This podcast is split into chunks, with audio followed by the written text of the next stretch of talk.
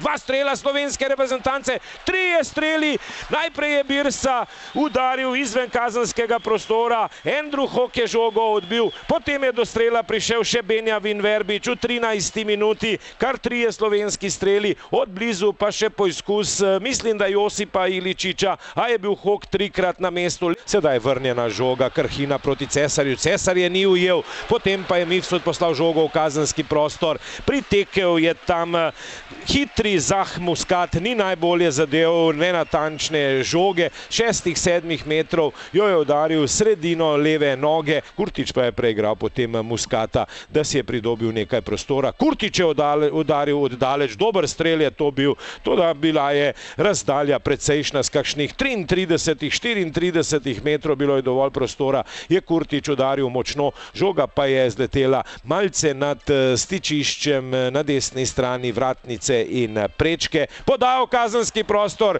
tekel je tam Milivoje Novakovič, se potem zapeljal po zadnici, da bi prišel do te predolge žoge, a ni uspel udariti proti vratom. V taliju veselje slovenske reprezentance. Na začetku 47 minute, brez menjav v drugem polčasu, Slovenija, Malta nič proti, oziroma Malta, Slovenija nič proti ena, ena nič za Slovenijo, odlično se je znašel v petmetrskem prostoru Benjamin Verbič in s peto zatresel po predložku oziroma nizki žogi z desne strani, tam jo je lepo poslal v kazanski prostor Jasmin Kurtič, no Benjamin Verbič pa je Slovenijo popeljal v vodstvo. Njegova osma tekma za slovensko reprezentanco in prvi gol tega nogometaša Kebanhavna, ki igra v Ligi prvakov. Andraž Šporar, številko trinajst je že ob strani igrišča in to bo tretja menjava selektorja Srečka Katanca, ko so Maltežani prišli do strela, a vendarle je dobro posredoval Boban Jovič, ki je uspel uloviti tam na robu kazanskega prostora in blokirati strel Zaka Muskata. Hitro je bil pred vrati slovenske reprezentance omenjeni nogometaš Farudža mu je poslal žogo, a je bil Jovič na mestu in preprečil veselje Maltežanom.